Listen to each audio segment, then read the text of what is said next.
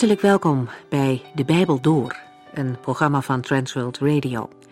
De Bijbel Door is een radioserie die u in vijf jaar meeneemt door de hele Bijbel. Van Genesis 1 tot Openbaring 22.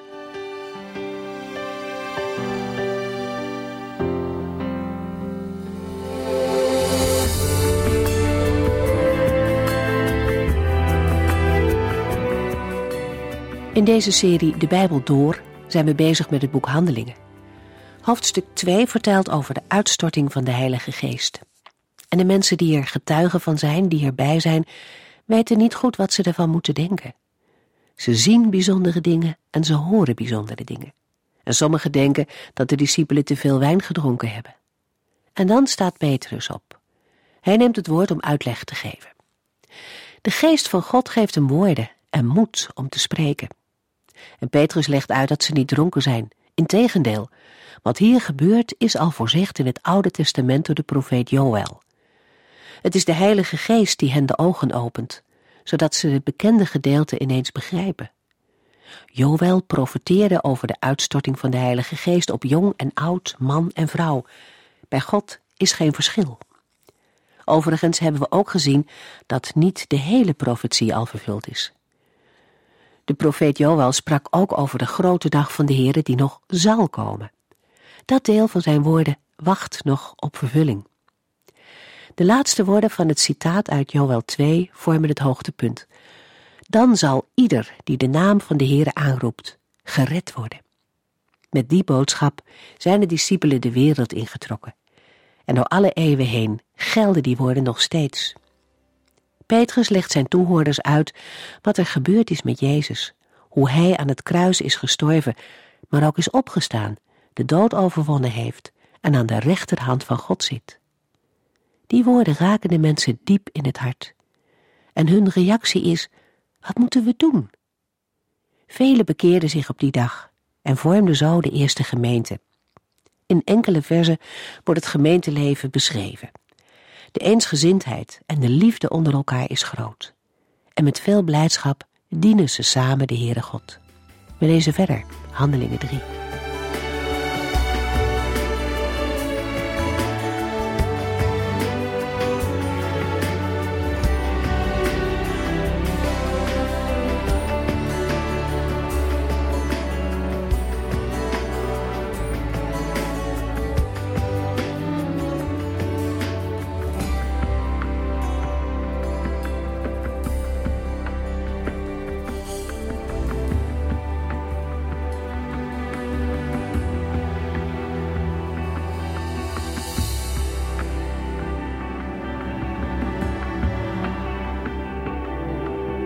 De vorige uitzending hebben we Handelingen 2, vers 43 gelezen.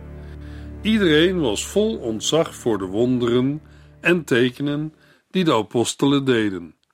Een van de genoemde wonderen wordt nu in Handelingen 3 door Lucas in detail beschreven, omdat het plaatsvond bij de ingang van de tempel en verstrekkende gevolgen had.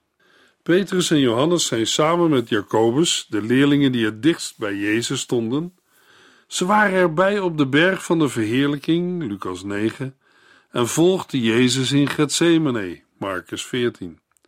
Petrus en Johannes spelen ook in de eerste christengemeente een belangrijke rol, waarbij opvalt dat Petrus meestal het woord voert.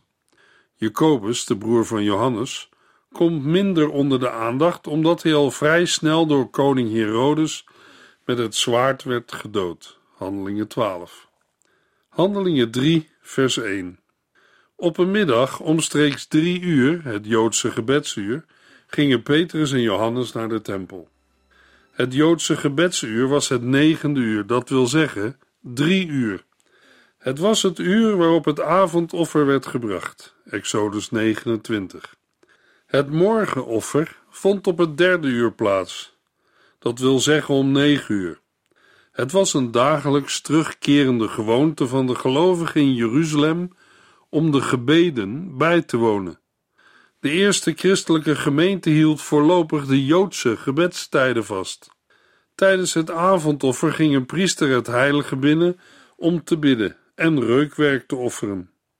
In het eerste hoofdstuk van het Evangelie naar Lucas hebben we gelezen dat dit toen, in Lucas 1, de taak van Zacharias was. Toen hij voor het gouden reukofferaltaar stond, verscheen hem een engel van de Heere. Lucas 1, vers 11. Net als veel anderen gingen Petrus en Johannes rond het Joodse gebedsuur naar de tempel. Handelingen 3, vers 2. Toen zij daar aankwamen, zagen zij een man die al sinds zijn geboorte verlamd was. Elke dag werd hij naar de mooie poort, een van de tempelpoorten, gedragen om daar te bedelen. De mooie poort, waar de verlamde man was neergezet om te bedelen, is waarschijnlijk de Nikanoorpoort, gelegen tussen de zuilengang van Salomo in de buitenste voorhof, waar ook de heidenen nog mochten komen, en de voorhof van de vrouwen, die alleen voor Joden toegankelijk was. De naam Mooie Poort is uit andere bronnen niet bekend, maar de Nikanoorpoort stond bekend om haar schoonheid, omdat de poortdeuren van Corinthisch brons waren gemaakt. De toegangspoorten tot de tempel waren geliefde plaatsen voor bedelaars om aalmoezen te vragen. Voor de tempelbezoekers was het geven van een gift uit meeleven en betrokkenheid een belangrijke deugd. Handelingen 3, vers 3. Toen Petrus en Johannes de tempel wilden binnengaan, vroeg hij hun om geld. Toen de verlamde zag dat Petrus en Johannes de tempel wilden binnengaan, begon hij om een aalmoes te vragen. Handelingen 3, vers 4 en 5. Zij keken hem aandachtig aan en Petrus zei: Kijk ons aan. De man keek hen aan in de verwachting iets van hen te krijgen. In tegenstelling tot wat de meeste voorbijgangers doen, kijken Petrus en Johannes hem scherp aan. Handelingen 3, vers 6. Geld heb ik niet, zei Petrus, maar wat ik heb, geef ik u. In de naam van Jezus Christus uit Nazareth, sta op en loop. Zilver en goud hadden de apostelen inderdaad niet meer. Toen zij Jezus volgden, hadden ze alles in Galilea achtergelaten. En ook nu moesten zij leven van wat door gemeenteleden bij elkaar werd gebracht. Maar Petrus heeft wel iets anders: de kracht van de Heilige Geest in zijn leven. Toen de Heere nog bij hem was, werd zijn bediening gekenmerkt door prediking en genezing. Lucas 7, vers 22. Ook had de heiland zijn leerlingen twee aan twee uitgezonden om iedereen over het koninkrijk van God te vertellen en zieken te genezen. Lucas 9. Nu leidt de Heilige Geest hen op dezelfde weg. 1 Korinthe 12. Ze hebben de opdracht om te getuigen van de opgestane Here en de Heilige Geest geeft de kracht om de wonderen te doen, die het gepredikte woord ondersteunen. Handelingen 4, vers 30. Deze wonderen en tekenen gebeuren in en door de naam van Jezus Christus. Dat wil zeggen, op gezag en door de kracht van zijn naam en persoon. Luisteraar, de sobere levensstijl van de eerste christenen kan een mens dankbaar maken, maar ook beschaamd. Heel veel christenen kunnen vandaag niet zeggen: zilver en goud heb ik niet kunnen ze wel vol van de Heilige Geest zeggen: Sta op en loop. We moeten en mogen bidden om kracht. Bidden dat ook in onze tijd de prediking van het Evangelie wordt bevestigd met tekenen en wonderen. Handelingen 3, vers 7. Hij pakte hem bij de rechterhand en trok hem overeind. Op hetzelfde moment werden de voeten en enkels van de man stevig en sterk. Nadat Petrus hem in de naam van de Heer Jezus heeft gezegd: Sta op en loop, pakt hij zelf de man bij de rechterhand. Petrus laat het initiatief om op te staan niet over aan de verlamde, maar zet als het ware zelf de eerste stap in het geloof. Op dat moment worden de voeten en de enkels van de man sterk. Er wordt hier nog niet over het geloof van de man gesproken. Maar we kunnen ons nauwelijks voorstellen dat aan iemand die dagelijks in de tempel zat, de gebeurtenissen rond Jezus van Nazareth en rond de uitstorting van de Heilige Geest zijn voorbijgegaan. In ieder geval blijkt uit het feit dat hij God gaat loven dat hij zijn genezing als een wonder van de Heere heeft opgevat. Het valt op dat Lucas het wonder beschrijft met medische bijzonderheden. De voeten en enkels van de man werden stevig en sterk. Handelingen 3, vers 8. Hij sprong op, stond even stil en begon toen te lopen. Daarna ging hij lopend met hen de tempel binnen en danste van blijdschap en loofde God. Het wonder was compleet. Hoewel hij nooit geleerd had te lopen, liep hij nu heen en weer en sprong van vreugde. Daarna was zijn eerste gang de trap op de poort door, door de voorhof der vrouwen naar de binnenste voorhof, waar de offers gebracht werden om daar de Heere groot te maken en iedereen te laten zien dat hij genezen was. Het springen van de lammen is op zichzelf een van de tekenen van de Messiaanse tijd. Jesaja 35 vers 6 De Messiaanse tijd die door de apostelen in Handelingen 3 vers 21 wordt aangekondigd. Handelingen 3 vers 9 en 10 Alle mensen zagen hem lopen en hoorden hoe hij God prees. Vol verbazing herkenden ze hem als de verlamde man die altijd bij de mooie poort zat te bedelen. Wat met hem gebeurd was, ging hun verstand te boven. De mensen die zich in de binnenste voorhof hadden verzameld voor het avondgebed, en ook de dienstdoende priesters die bezig waren met het avondoffer, herkenden vol verbazing de verlamde man. De tempelbezoekers herkenden de man omdat ze hem al jarenlang bij de mooie poort hadden zien bedelen. Nu was hij ineens gezond. De confrontatie met zo'n geweldig wonder vervulde hen met verbazing en ontzetting. Dat wil zeggen, het ging hun verstand te boven. Handelingen 3, vers 11. Alle mensen stroomden samen in de zuilenhal van Salomo, waar Petrus en Johannes door de man werden vastgehouden. Toen Petrus al die mensen zag, zei hij: Mannen van Israël, waarom bent u zo verbaasd? Wat staat u ons aan te staren? Aangezien de genezen verlamde Petrus en Johannes vasthield om hen bij zich te houden, wisten de mensen dat beide apostelen met deze genezing te maken hadden. In ieder geval liep iedereen achter hen aan naar de zuilenhal van Salomo.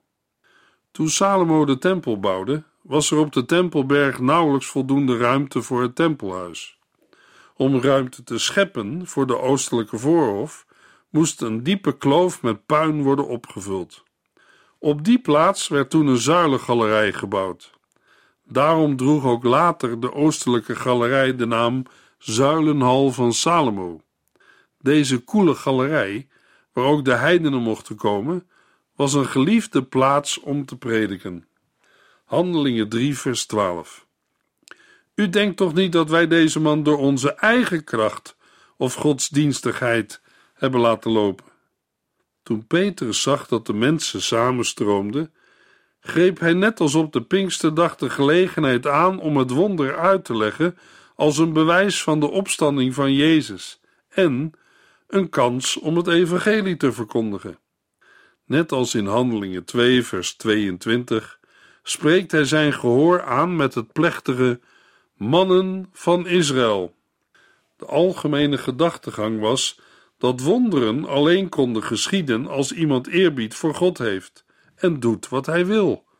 Johannes 9, vers 31. Wanneer Petrus zegt dat hij en Johannes niet door eigen kracht of godsdienstigheid de verlanden hebben doen lopen, bedoelt hij niet te zeggen dat hij zelf niet godsdienstig of rechtvaardig is, maar vestigt hij alle aandacht op de Heer Jezus, die door God door middel van dit wonder wordt verheerlijkt. Het is niet de verdienste van Petrus en Johannes dat de verlamde is genezen, maar de Heilige Geest heeft dit wonder bewerkt. Want de Heilige Geest is mede uitgestort om door wonderen en tekenen de Heer Jezus te verheerlijken en dat doet de Heilige Geest vandaag nog steeds. De inbreng van de apostel in dit wonder is het geloof in de naam van de Heer Jezus. Vers 16. Petrus is heel zorgvuldig en zegt dat dit wonder niet in eigen kracht werd gedaan. Hij verwijst zijn Joodse gehoor terug naar het Oude Testament.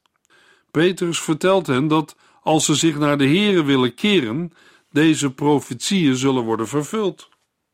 Zacharia 12 vers 10 Dan zal ik de geest van genade en van gebeden uitstorten over Davids vorstenhuis en de bevolking van Jeruzalem. En zij zullen kijken naar hem die ze hebben doorstoken en over hem rouwen als over een enig kind. Ze zullen bitter bedroefd zijn en over hem rouwen als over hun oudste zoon. Maar Israël keerde zich af van de Messias, Jezus Christus. Zij hadden geroepen: sla hem aan het kruis. De Israëlieten hebben zich niet bekeerd tot Christus. Petrus zal hen uitnodigen om dat te doen. Helaas, de meesten weigerden.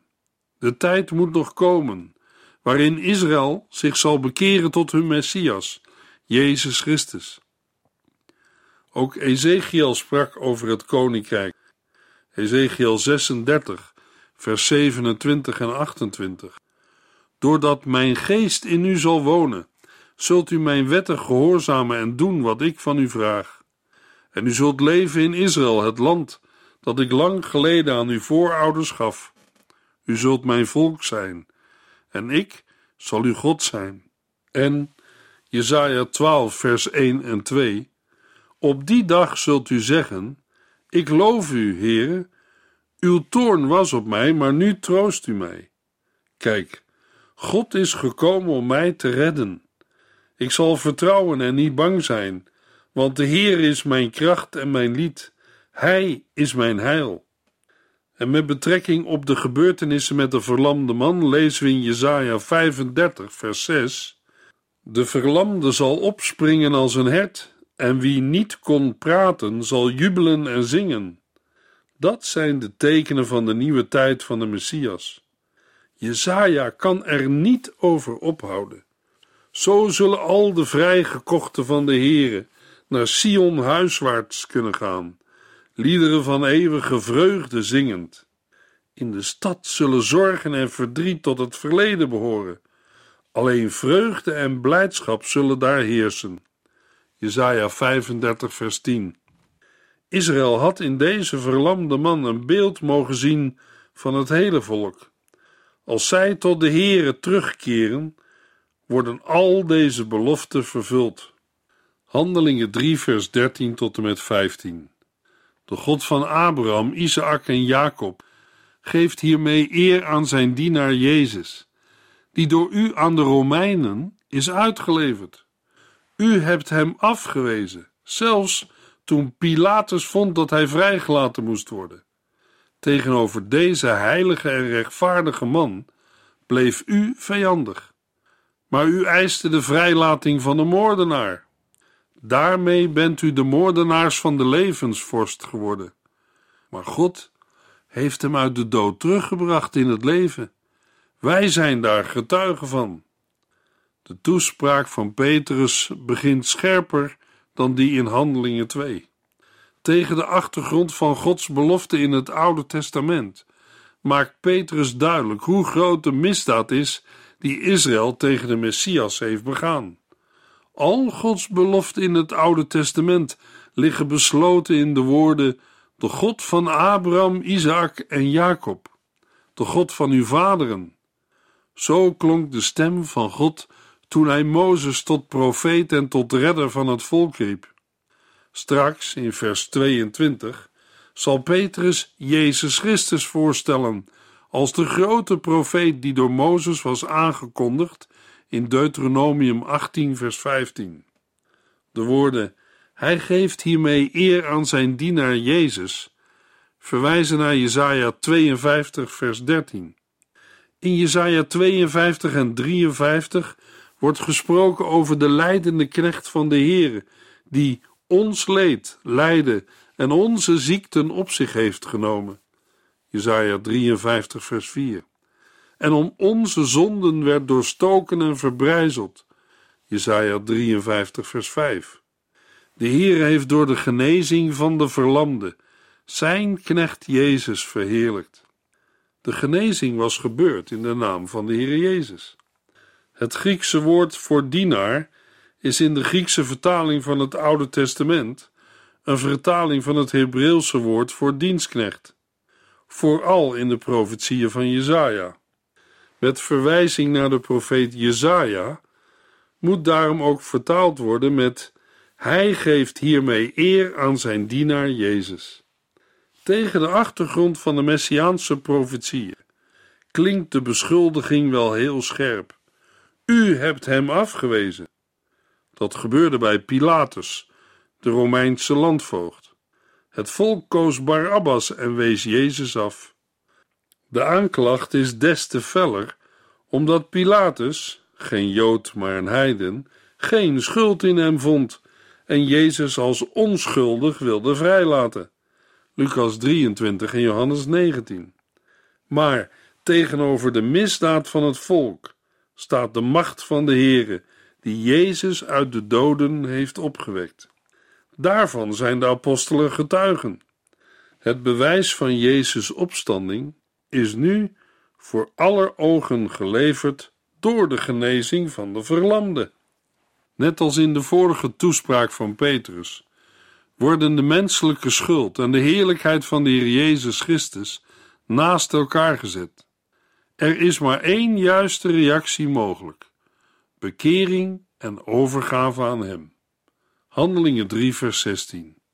Jezus heeft deze lamme man genezen. Door ons geloof in Jezus is hij volkomen gezond geworden. U ziet het zelf. Petrus verklaart de genezing van de verlamde met twee zinnen, waarin de woorden Jezus en geloof centraal staan. Het geloof in de Heer Jezus Christus en de erkenning van de opstanding en heerschappij van Jezus is de grond waarop het wonder is geschied. De apostelen hadden het woord van genezing uitgesproken in zijn naam, en toen heeft Jezus de verlamde sterk gemaakt. Zijn naam is daarom een plechtige omschrijving van de persoon en de autoriteit van Jezus Christus. Handelingen 3, vers 17 en 18. Broeders, ik weet dat u in de tijd niet besefte wat u deed, en uw leiders ook niet. Maar langs deze weg heeft God zijn plan uitgevoerd. Want lang van tevoren had hij al door zijn profeten gezegd dat zijn Christus veel zou lijden. Na de felle aanklacht volgt er nu een vriendelijke toon. Petrus noemt zijn toehoorders broeders. De Joodse wet maakt onderscheid tussen onopzettelijke zonden en opzettelijke zonden. Voor de onopzettelijke zonden de zonde in onwetendheid, is verzoening door middel van een offer mogelijk. Voor opzettelijke zonde bestaat alleen de doodstraf. Wanneer Petrus hier zegt: Ik weet dat u in der tijd niet besefte wat u deed, verontschuldigt hij hen daarmee niet. Hij stelt dat er vergeving mogelijk is en dat zij in onwetendheid hebben gehandeld. Ook Paulus beroept zich later, ook zonder zich daarmee te verontschuldigen, op deze onwetendheid. 1 Timotheus 1, vers 13. Deze onwetendheid geldt niet alleen het volk dat door zijn leiders was opgestookt, maar ook de leiders zelf. Toen de Heer Jezus werd gekruisigd, zei hij: Vader, vergeef het deze mensen. Ze weten niet wat ze doen. Lucas 23, vers 34. En wat zegt de Heer in het Oude Testament? Jesaja 43, vers 25. Ik ben het die ter wille van mijzelf uw zonde wegdoe en er nooit meer aan zal denken. Zoveel liefde is nergens anders te vinden. Petrus zegt hetzelfde. Handelingen 3, vers 19 tot en met 21. Heb er dus berouw over en bekeer u tot God. Dan zal Hij uw zonden wegdoen, zodat een tijd van verfrissing aanbreekt als u met de Heere leeft. Hij zal dan de Christus naar u toesturen, die hij voor u bestemd heeft. Jezus, die naar de hemel moest teruggaan tot de tijd van het volledige herstel. Over die tijd heeft God vanaf het begin al gesproken door zijn heilige profeten. Omdat de Joodse leiders en het volk in de tijd niet beseften wat ze deden, is er de mogelijkheid van bekering en vergeving. Bekering wijst vooral op een verandering van denken terwijl berouw een zich omkeren aangeeft, namelijk de terugkeer tot God en de door hem gezonde Messias. Het uiteindelijke doel van berouw en bekering tot God is het wegdoen van uw zonden. Toch is het wegdoen van de zonde niet het einddoel. Wanneer het hele volk zich bekeert, zal er een tijd van verfrissing aanbreken. Daarbij moeten we denken aan een periode waarin Gods zegen zichtbaar wordt. In het tekstverband van Handelingen 3 is de inhoud van de verfrissing de terugkeer van Jezus als Messias en onder zijn leiding een herstel van de nationale onafhankelijkheid van Israël. Het herstel van het koningschap voor Israël. Gods ontferming over Israël en in het verleng daarvan de wederkomst van Christus en de voleinding van de wereld, het einde van de tijd. In vers 20 noemt Petrus voor het eerst de wederkomst van Christus. Pas dan zullen de vele beloften die de Heer in het Oude Testament heeft gegeven, volledig in vervulling gaan. De wederkomst van Christus wordt in Handelingen 3 in verband gebracht met de bekering van Israël. Hij zal dan de Christus naar u toesturen, die hij voor u heeft bestemd. Want de Heer Jezus moest naar de hemel teruggaan tot de tijd van het volledige herstel. Handelingen 3, vers 22 tot en met 26. Zo zei Mozes bijvoorbeeld: De Heere God zal uit uw midden een profeet laten opstaan, iemand zoals ik. U moet luisteren naar alles wat hij tegen u zeggen zal. Maar wie niet naar hem luistert, zal gedood worden. Ook Samuel en alle andere profeten die na hem kwamen, hebben dit voorspeld. U bent nakomelingen van de profeten. En wat God uw voorouders heeft beloofd, geldt ook voor u. God heeft immers tegen Abraham gezegd dat zijn nageslacht alle volken van de wereld tot zegen zal zijn. God heeft zijn dienaar Jezus in de eerste plaats laten opstaan om u te zegenen, zodat u het kwaad de rug zult toekeren. Het volk Israël heeft geen gehoor gegeven aan de oproep van Petrus. Zij hebben moeten ervaren, maar wie niet naar hem luistert, zal gedood worden. In het jaar 70 na Christus kwam Titus, een Romeinse generaal, en verwoestte met zijn leger Jeruzalem. Er wordt geschat dat meer dan een miljoen mensen omkwamen en de rest werd in slavernij verkocht, verstrooid door het hele Romeinse Rijk heen. Wat Israël overkwam, moet ons tot voorbeeld en waarschuwing zijn. In de volgende uitzending lezen we Handelingen 4.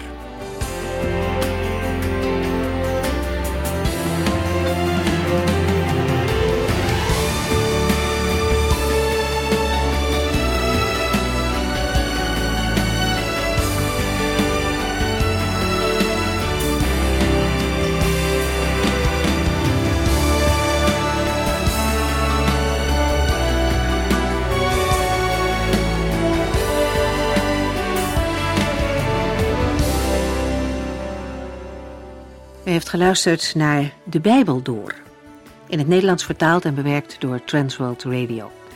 Een programma waarin we in vijf jaar tijd de hele Bijbel doorgaan. Als u wilt reageren op deze uitzending of u heeft vragen, dan kunt u contact met ons opnemen. Tijdens kantooruren kunt u bellen op 0342 47 8432.